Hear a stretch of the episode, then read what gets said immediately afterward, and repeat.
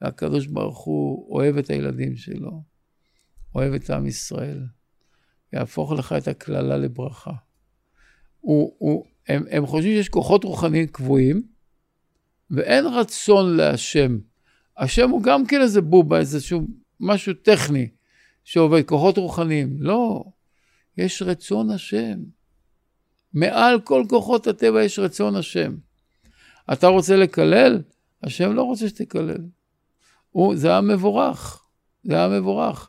אז אפילו שתעשה את כל הטכניקות, כל המזבחות, כל הקורבנות, תלך לבד במדבר ותעשה כל מיני מדיטציות ותבוא ותתחיל לקלל, יצא לך ברכות על עם ישראל. כי הקדוש ברוך הוא אוהב את עם ישראל.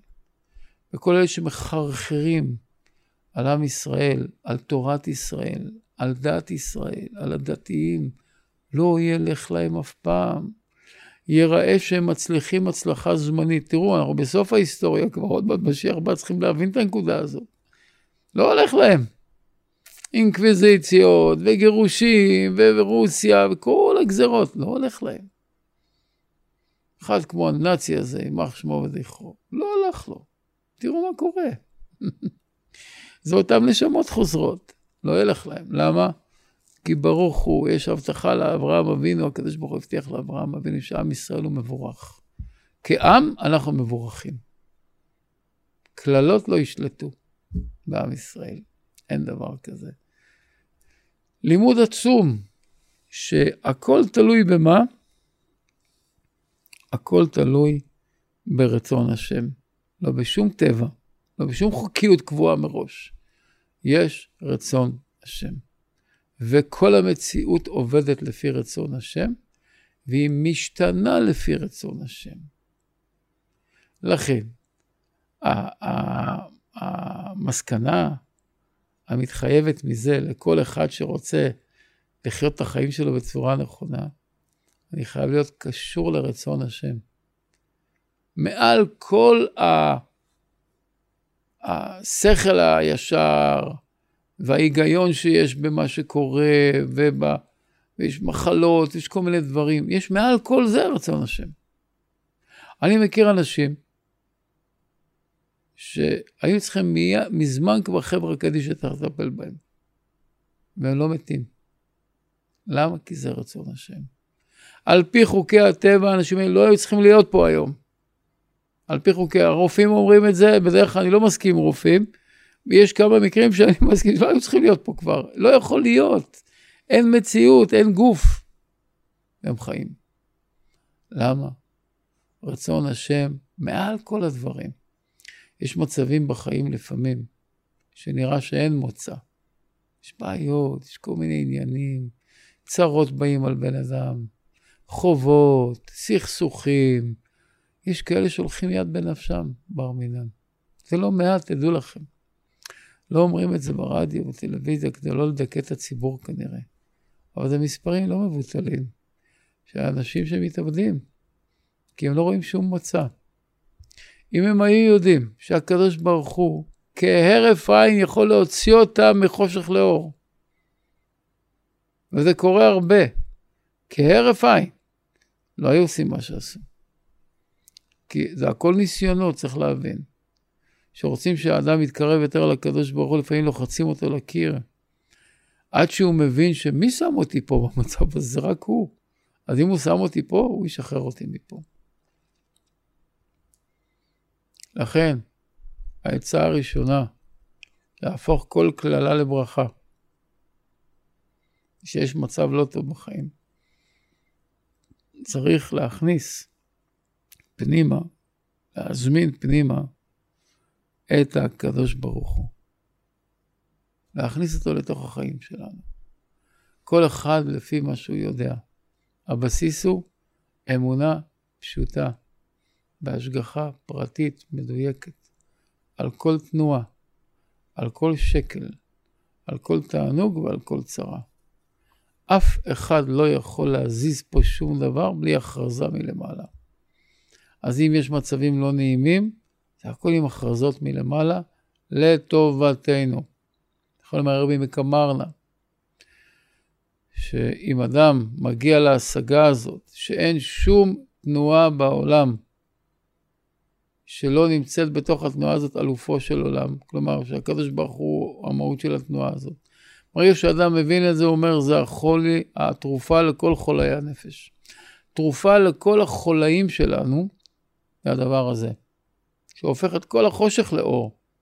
ברגע שאנחנו מכניסים את בורא עולם ומבינים בתודעה שהכל לטובתנו. כי צריך להסתכל על העולם הפוך ממה שרוב העולם מסתכלים. למה יש את הצרות? כדי שנכיר את השם יותר טוב. זו המטרה של הצרות בחיים. אז אומר האריזל ככה, שהשכינה היא שורה בתוך הטומאה. כתוב שוכנת בתוך טומאתם, למה? כדי שיקבלו הטומאה שבע וחיות. ואין השכינה גולה ביניהם, בין הקליפות, אלא לסיבת הנשמות. כתוב, דודי ירד לגנו ללקוט שושנים. השכינה לוקטת את הנשמות הקדושות מתוך הקליפות.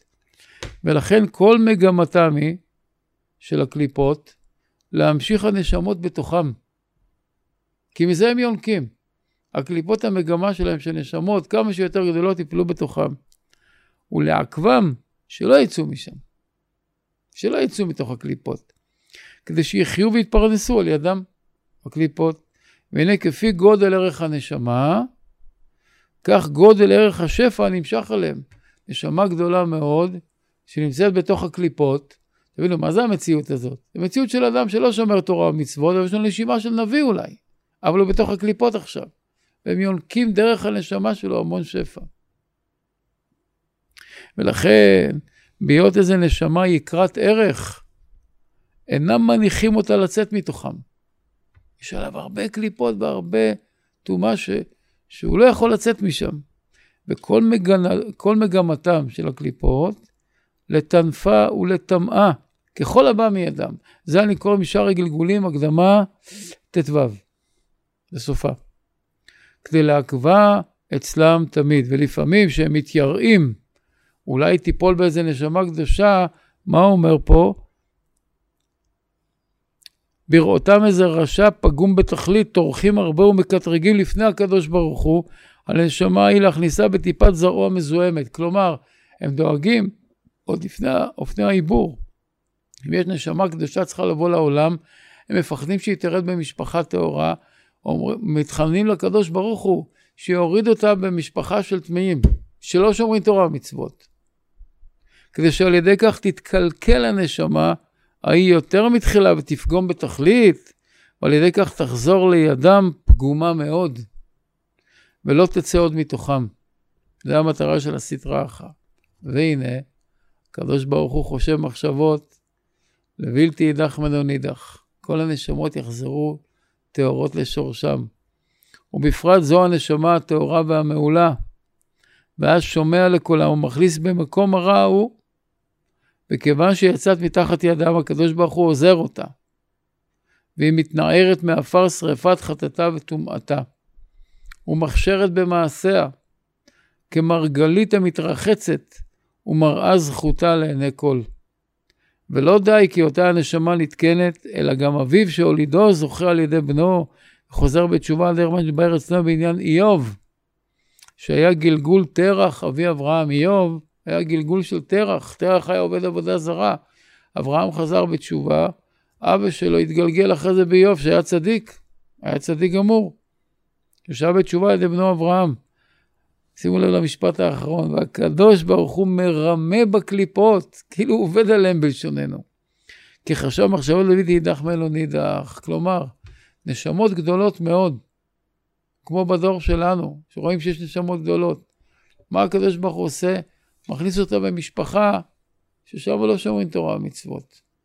ואז מה קורה? הסטרא אחר אומרים, אה, זה משלנו, נעזוב אותו, לא מטרידים אותו. אבל כשמגיע הרגע שלו לצאת מהקליפות, הקדוש ברוך הוא עוזר לו, כמו שכתוב פה, ומוציא אותו בבת אחת, ונהיה אור גדול מהבן אדם הזה, ואז הם לא יכולים לגעת בו. ככה כתוב על דוד המלך, ככה כתוב על רבי עקיבא. הרי הוא היה בן גרים, והוא שנא תלמידי חכמים, רבי עקיבא. עד גיל 40 היה עטוף, ופתאום בום, יוצא החוצה.